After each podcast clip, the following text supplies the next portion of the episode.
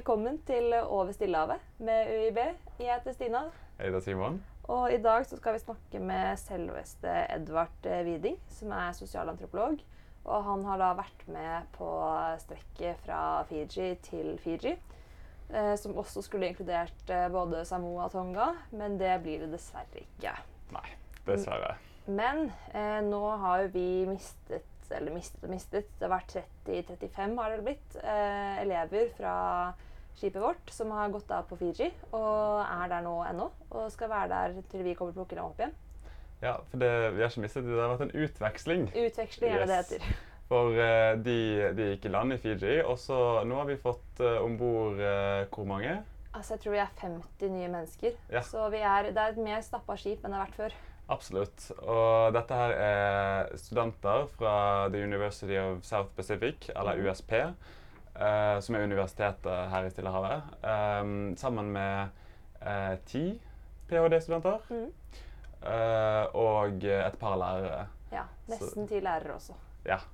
Så det er litt mer folksomt enn det har pleid å være. Det har vært en god gjeng, og en litt annen gjeng enn det vi har hatt før. Vi merket jo det når vi kom tilbake på skipet etter å ha vært i Suva, som er da havnen vi lå til i eh, Fiji, at oi, nå var det plutselig helt nye fjes, helt nye folk, og eh, det er veldig fint å få nye mennesker, men det ble jo en sånn eh, dette er jo vårt skip, dette er våre områder, her er det vi sover. Plutselig er det masse nye mennesker her som går rundt. Ja, jeg syns det var veldig desorienterende første gang jeg, jeg våknet og hoppet ut av køyen og så meg rundt, og det var ingen jeg kjente, nesten.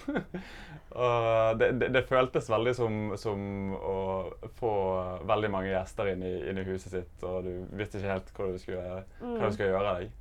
Og kombinert med at første uka var litt kaos, som vi snakket om i forrige podkast, at da var det jo Mhm. korona, koronahelvete, rett og slett. Ja. Eh, Det var det det var. Um, uh, men nå er det egentlig ganske fint. Nå er det jo utrolig hyggelig å få nye mennesker, og uh, deilig å kunne føle seg litt proff. Ja, veldig. Veldig. Altså proff på seiling, da, for å spesifisere. Eh, for dette er jo nye mennesker som ikke har eh, seilet før. I hvert fall ikke mens også elevkull. Mm. Eh, og i starten Jeg tror vi kan kjenne oss igjen den derre Jeg vet ikke hva noe av disse 200 pluss tauene er, og hvor jeg skal dra, hvor jeg skal ise, hvor mange vi skal være, og vi skal opp og føle seil og det ene og det andre. Og nå er det litt fint å kunne være den som er sånn Vi trenger flere skjøte. Nå må vi gå is i tacken. Hit er gårdinger. Det er veldig deilig å kunne være den som vet mest. Ja. Jeg, jeg kjenner meg veldig igjen i det litt sånn halvveis fortapte blikket etter eh, vaktlederen sier sånn Gjør klar for å ta inn fokk. Ja. Eh, Jeg merker det at de er sånn What are we doing now? At de går litt sånn og ser etter, som jeg gjorde lenge i starten. veldig. Så det har vært, eh, det har vært veldig hyggelig. Ja. Og de eh, er jo fra en helt Eller fra en annen kultur. Em, og selv om det er mye som er likt òg, så er det mye som er forskjellig. Uh, jeg tror vi nordmenn er uh, Altså, vi har alltid på en måte visst at vi er mye nakne. Uh, men her på skipet så har virkelig det blitt ekstremt tydelig. Ja. Eh, Jeg har null problem med å spre det rundt i bokseren, men eh, ofte så, så ser jeg liksom eh, de fra Stillehavet gå full T-skjorte og shorts med en gang de kommer ut av dusjen, og at- de har skiftet der inne. Så det, det å være komfortabel med, med, med nakenhet og sånn har vært en, en forskjell. Absolutt. Og vi hadde jo badedag i dag, og da så man at nordmennene var rett opp i, i baris og bikini. Mens der var det mer T-skjorter og mer eh, anstendig, er det riktig, antrekk? En annen ting jeg har merket, er at uh, de som ligger og steiker seg i solen, det er, det er nordmenn. Ja. Det var komisk den ene dagen. Satt jeg oppe på bakken, som er helt foran på skipet, der det er veldig gode sol solforhold. Vi kaller det for Bakken, eh, Bakken Beach Club. Yes. Eh, og der var det bare nordmenn. Så kom jeg ned eh, i banjern. Nede, uh, nede i jorda, holdt jeg på å si. Under, uh, Under dekk. Under dekk. Eh, og der var det bare folk fra Fiji. Mm. Eh, og det merket jo bare med Vi har jo hatt ulike kulturer hele veien. Og sørafrikanerne var også sånn som var sånn Hvorfor soler dere så mye? Mm. Hva er det som er så digg med å bare ligge i sola? som for oss er jo det veldig eksotisk, da. Å ha Ja. sollys og varme. Ja, veldig. Så disse elevene, eh, de nye på skipet, de er jo da fra USP, som er University of South Pacific. Og det er et universitet som tolv ulike land fra Stillehavet har Mm. gått sammen om å eh, lage. Eh, og de har eh, campuser i alle de forskjellige landene. Men det er eh, på Suva i Fiji hvor eh, hovedcampus er. Og da er det ganske vanlig å ta eh, f.eks. en bachelorgrad og litt lavere grader eh, i eh, de andre campusene. Og som skal ha enda høyere utdanning, så kommer man ofte da til Suva Mm. for å ta en master eller doktorgrad. Ta en master eller doktorgrad. Ja, jeg, jeg snakket med en, eh, en av studentene om, om USP, eh, og han snakket om at eh, han, han likte veldig godt at det var så mye krysskulturelle eh, møter. For man kan jo kanskje tenke seg at, at Stillehavet er en region med én spesifikk kultur, men, men også innad i alle disse tolv landene Mm. og andre øystater så, så er det mye, mye forskjellig. Og jeg tror, jeg tror det er veldig fint å ha et uh, sånn regionalt universitet, ikke bare sånn et universitet til ett land, på en måte. Mm, absolutt. Og vi merker jo også at denne gruppen med studenter er uh, Jeg vil si de har uh, større forskjeller innad enn det vi har. Det er mye større aldersspenn. Mm.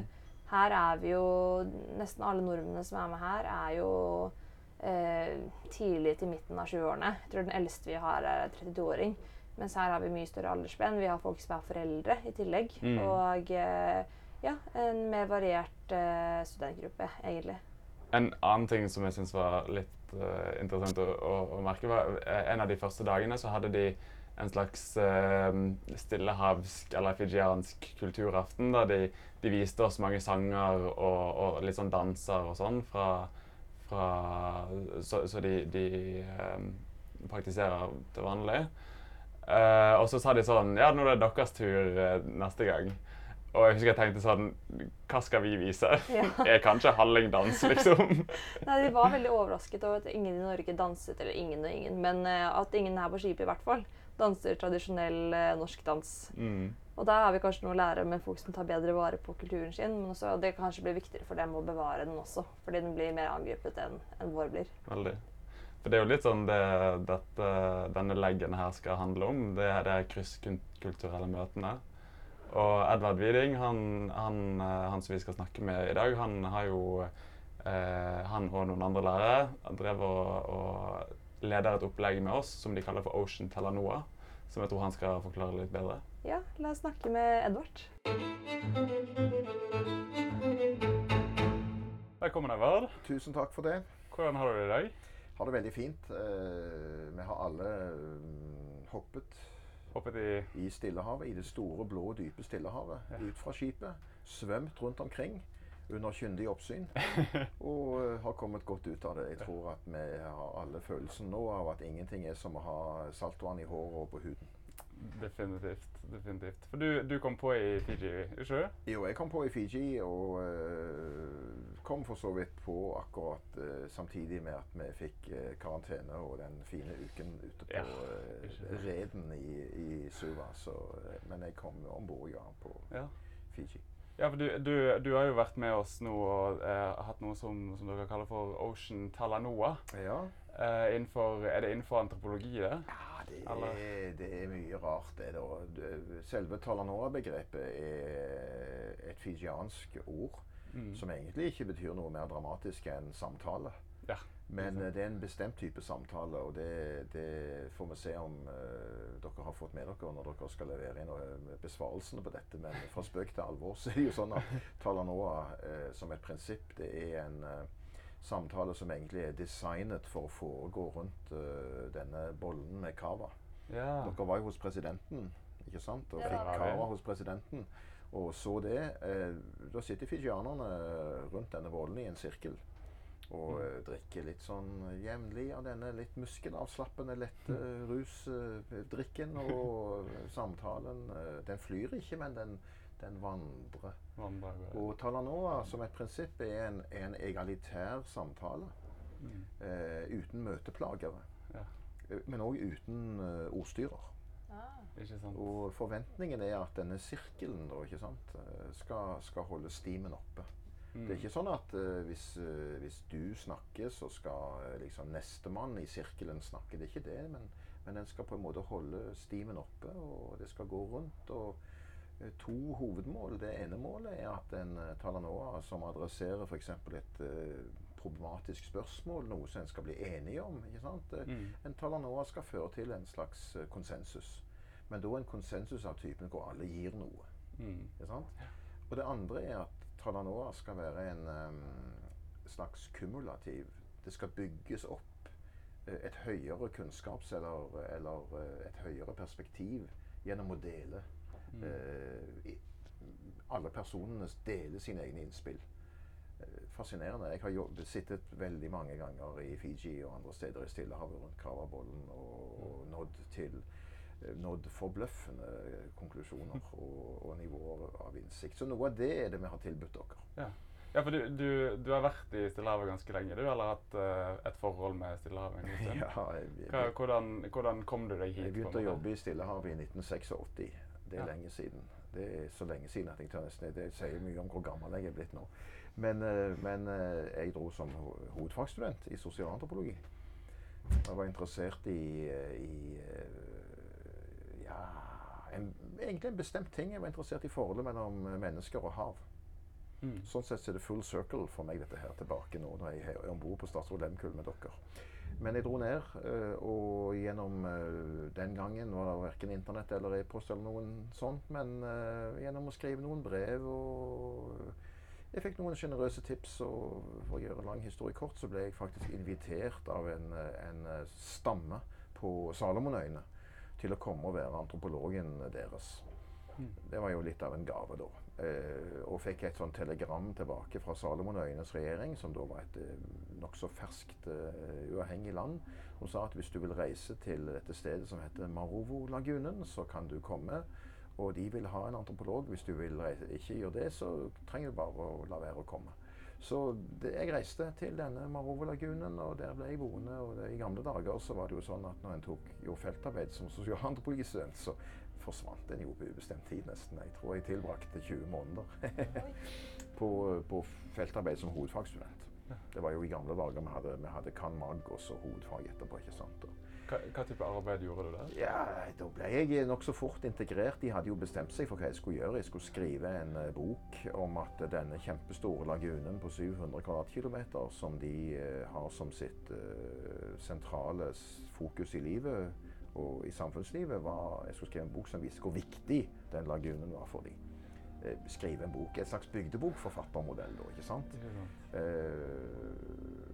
Så de hadde arbeidet klart for meg, men det de gjorde var å integrere meg i samfunnet. Jeg må ikke snakke for lenge om dette, for antropologer snakker alltid for lenge om feltarbeidet sitt. Men uh, igjen, for å gjøre en lang historie kort, så, så var jeg en ung mann uh, i min beste alder. Og jeg ble da plassert sammen med de andre unge mennene i sin beste alder i, i huset for unge menn i sin beste alder. Og, og hadde som hovedjobben min å fiske.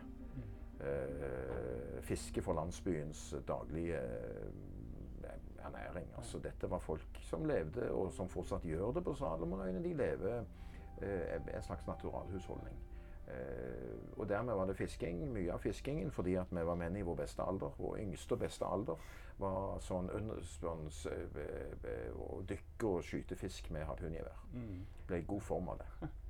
Ja, det, det, det ble sikkert mange, mange kulturutvekslinger der, ser jeg for meg. Ja. Eh, vi, vi har jo hatt antropologi nå eh, i dette Ocean-tallet Norge etter Ja. Fiji. Og eh, vi hadde en liten, en liten bolk med, med Miriam før Med vi kom til, ja. til Mm. Fiji. Mm. Og d- d- da liksom tenker sånn, Hva tenker du er koblingen mellom antropologi Mm. og bærekraft Mm. og klimaforandringer og det vi står overfor? Ja, altså det er to korte svar på det. Det første er at antropologien, eh, som er et, eh, et, sånn et holistisk eller helhetlig fag eh, Vi ønsker å knytte sammen de fleste aspektene ved, ved folks levde liv og folks forståelse og sånt. Antropologien kan på en måte gå i dialog med, med ikke bare med hav, klima og samfunn og de tilhørende bærekraftmål, men altså med alle FN sine 17 bærekraftmål. Eh, sånn sett så Dette har jo jeg jobbet en del med. Jeg har, har uh, arbeidet i, i FN og, og, og, representert øystatene bl.a. I, i for, som rådgiver bl.a. innenfor det å lage en policy i forhold til bærekraftmålene. Det er det ene. Men det andre er at uh, klimaforskningen og havforskningen uh, nok har et underskudd på samfunnsmessige perspektiver. Mm.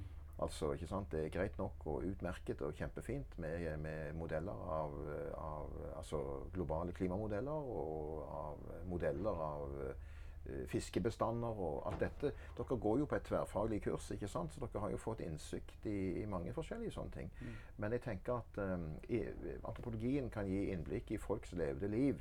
På, på helt uh, forskjellige steder i verden. Antropologien er et globalt fag. og med vi mener jo egentlig at alt som foregår et sted i verden, som folk driver med, er relevant for alt som foregår andre steder i verden, mm. Eh, og som folk driver med. Så på den måten så tenker jeg at å gi et samfunnsmessig fundert perspektiv til både hav og klima i uh, verdens største del av verdenshavet, mm. Stillehavet Skal snurre globusen, så er liksom Stillehavet baksiden, men stillehavsfolkene sjøl vil si at det er forsiden. Mm.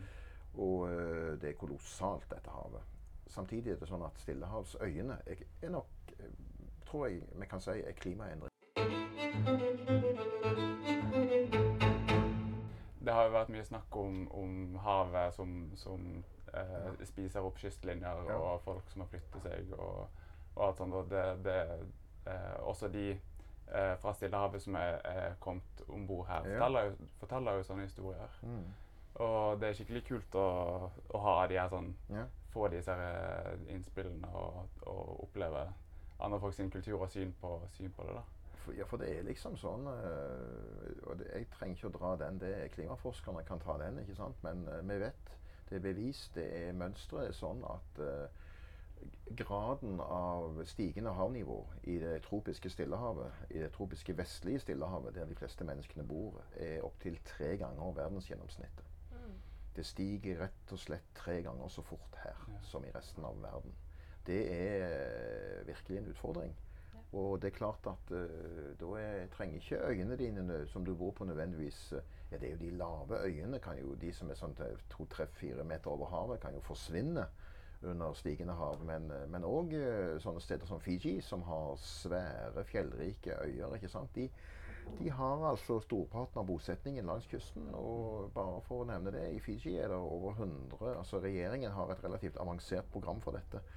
Eh, Fiji har penger, Fiji har en relativt eh, sånn velfundert eh, styresett som, som, strekker seg ut i de landlige strøkene. Og det er over 100 landsbyer i Fiji i dag som er, er kartlagt for snarlig forflytning mm. pga. stigende havnivå. De må altså flytte innover i landet. Det er ikke så katastrofalt for de, for de kan flytte oppover på sitt eget land. ikke sant? Men vi kan tenke oss hvordan det er for de som bor på atoller. Disse lave korallatollene som kanskje bare stikker eh, to-tre meter over havet. De eh, risikerer faktisk første gang i verdenshistorien så har vi en situasjon der eh, stater risikerer å miste sin status som stat pga. at landet forsvinner. Mm. Fysisk. Mm. Før har vi hatt krig og land har forsvunnet pga. det. ikke sant? Krig og koloni og imperialisme og alt det der. Men nå er det sånn at da, sti, altså, klimaendringens konsekvenser kan føre til at hele stater eh, potensielt sett, hvis ikke noe eh, epokegjørende blir gjort med, med, internasjonal lov og rett, så vil de bli strøket fra verdenskartet. Mm. Og folk i Stillehavet har vel også et ganske unikt syn på det med land? Ja, de har jo det. Og uh, det er klart at kompleksiteten i forhold til uh, å leve på disse øyene uh, midt i havet, som da danner grunnlag for et skal vi si, fullverdig liv, er ganske høy. Vi kan tenke oss at det å, å fordele land Jo mindre øyene er, jo vanskeligere er å fordele land til f.eks. kommende generasjoner. Sant? en rekke utfordringer. Men, men alle disse stillehavslandene, eller kult, alle, alle, alle kulturene, folkegruppene i Stillehavet, har noen sånne modeller for uh, forholdet mellom folk og land som gjerne er preget av to ting. Det ene er at uh, folk som lever et sted, er en del av det stedet. Mm. De har et begrep i Fiji som heter vanua. Det har dere kanskje hørt fra kollegaene mm. deres, og Miriam har nok også undervist litt i det. Eh, samtidig er det også sånn at vanua, eller det tilsvarende begrepet, kan òg omfatte sjø. Sånn at det er ikke nødvendigvis noen grense i eh, stillehavsfolkenes uh, sånn begrepsapparat mellom det landet de lever på, og den uh, sjøen, altså de korallrevene som de baserer seg på. Sånn at fiske ut forbi landsbyen og jordbruk opp forbi landsbyen ikke sant? Er, en del av et felles hele. Samtidig så mener jo stillehavsfolkene sjøl at de er folk av havet. Og de er veldig opptatt av dette. De har en lang og, og stolt uh, migrasjonshistorie. Stillehavsøyene ble befolket uh, for 3000, 3, over 3000-4000 år siden fra Sørøst-Asia med svære uh, havgående dobbeltskrogskanoer med folk som dro utover og leste tegnene og tolket stjernene som dere så på filmen i går kveld. Og, og fant veien utover. De fant nye øyer. De bosatte seg overalt. Og tenk på det. altså Det er verdenshistoriens største folkevandring. Mm.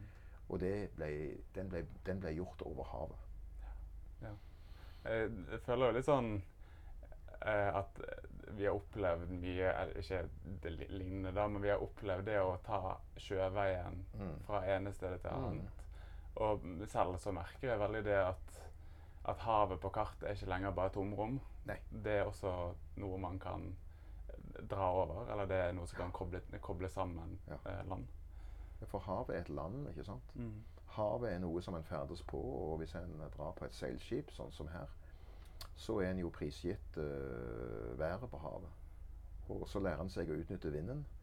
Og så plutselig så tror jeg at dere har altså Spesielt dere har jo reist fra Valparaiso til Tahima. Mm. Hva var det? 35 dager? Mm. Ja, altså Dere må jo ha lært noe helt uh, spektakulært på den reisen i forhold til det å være egentlig ett med havet. Ja, veldig. Så tenker jeg at uh, målsettingen med å ha laget dette litt revolusjonerende grepet her på, ut fra Fiji, med at uh,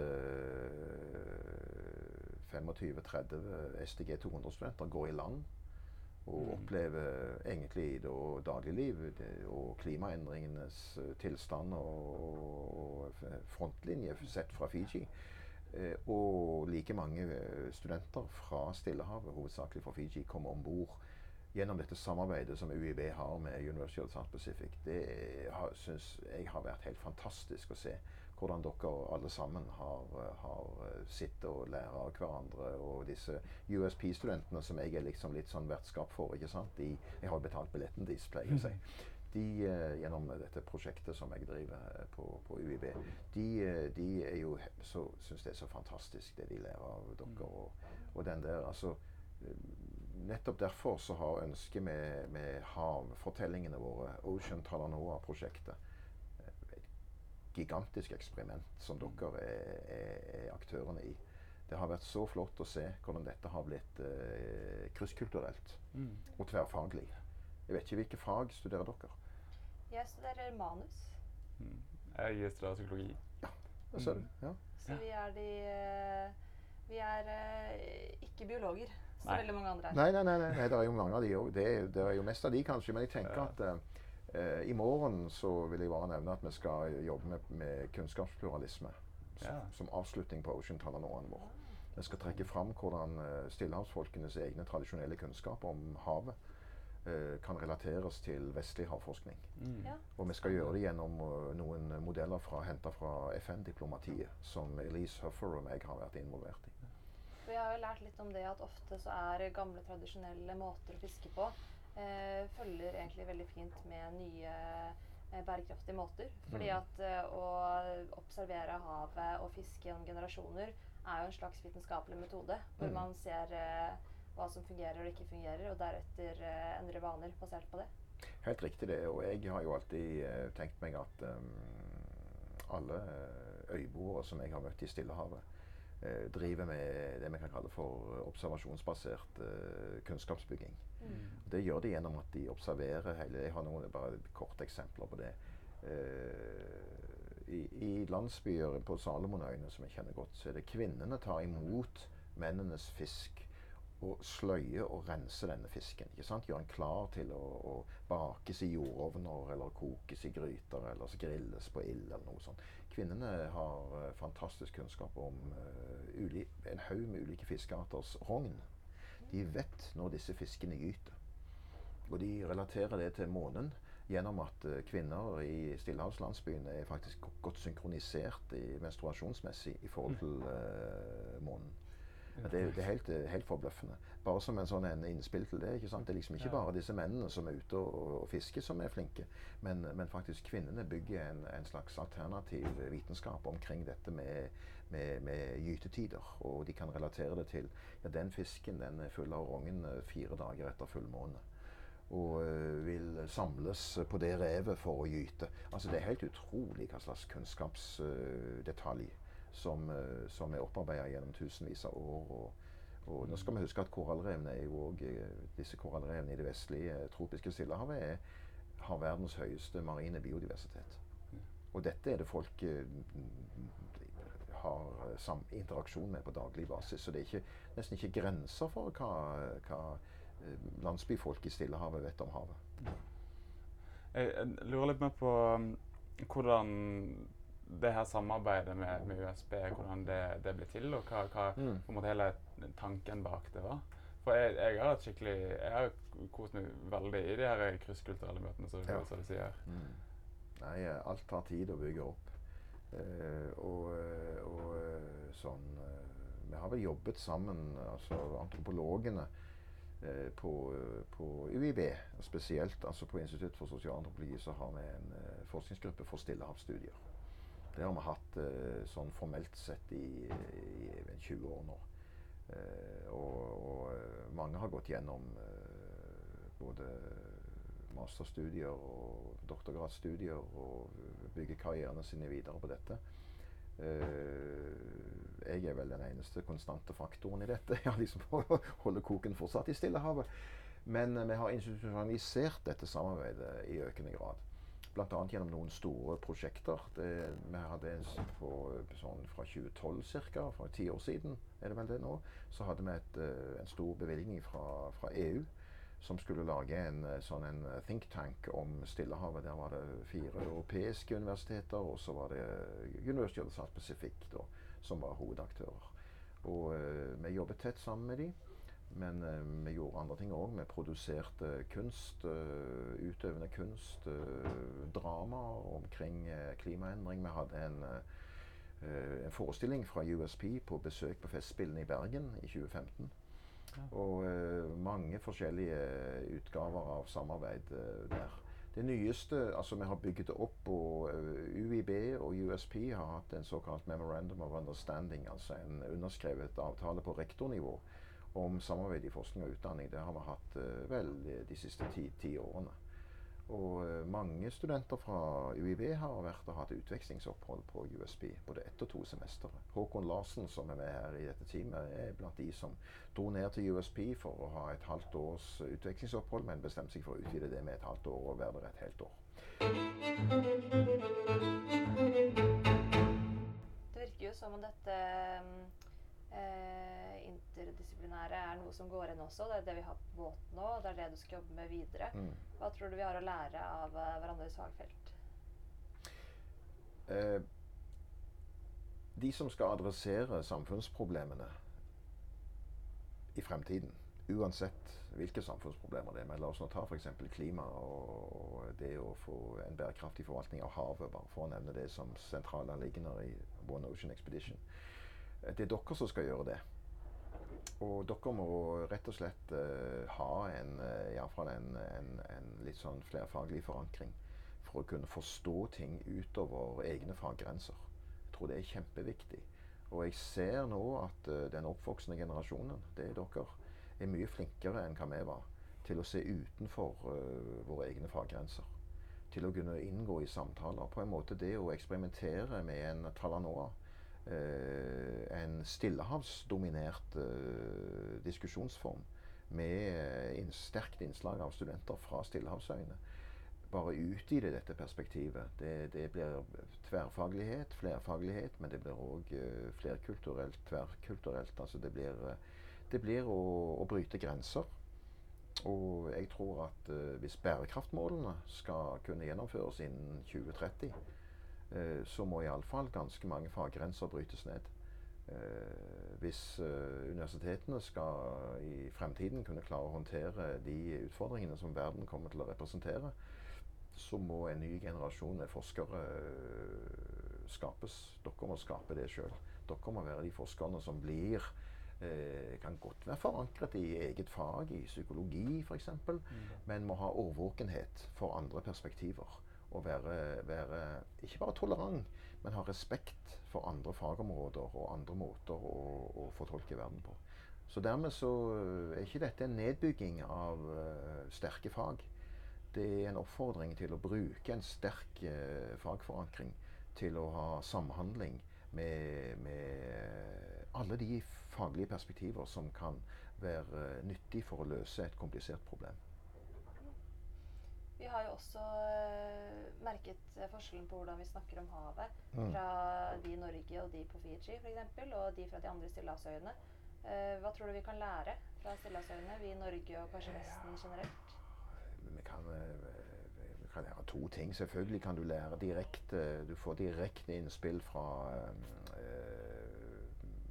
dine nye venner og kolleger, medstudenter, som har vokst opp på en helt annen måte og åpenbart har et veldig sånn dypt og eksistensielt og spirituelt forhold til havet.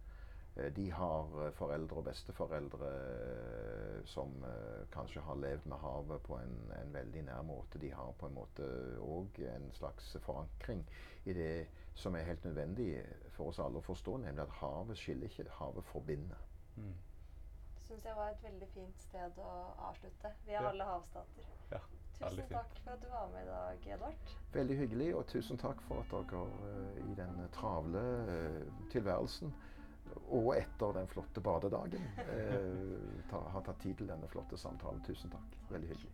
Dette var Over Stillehavet med UiB.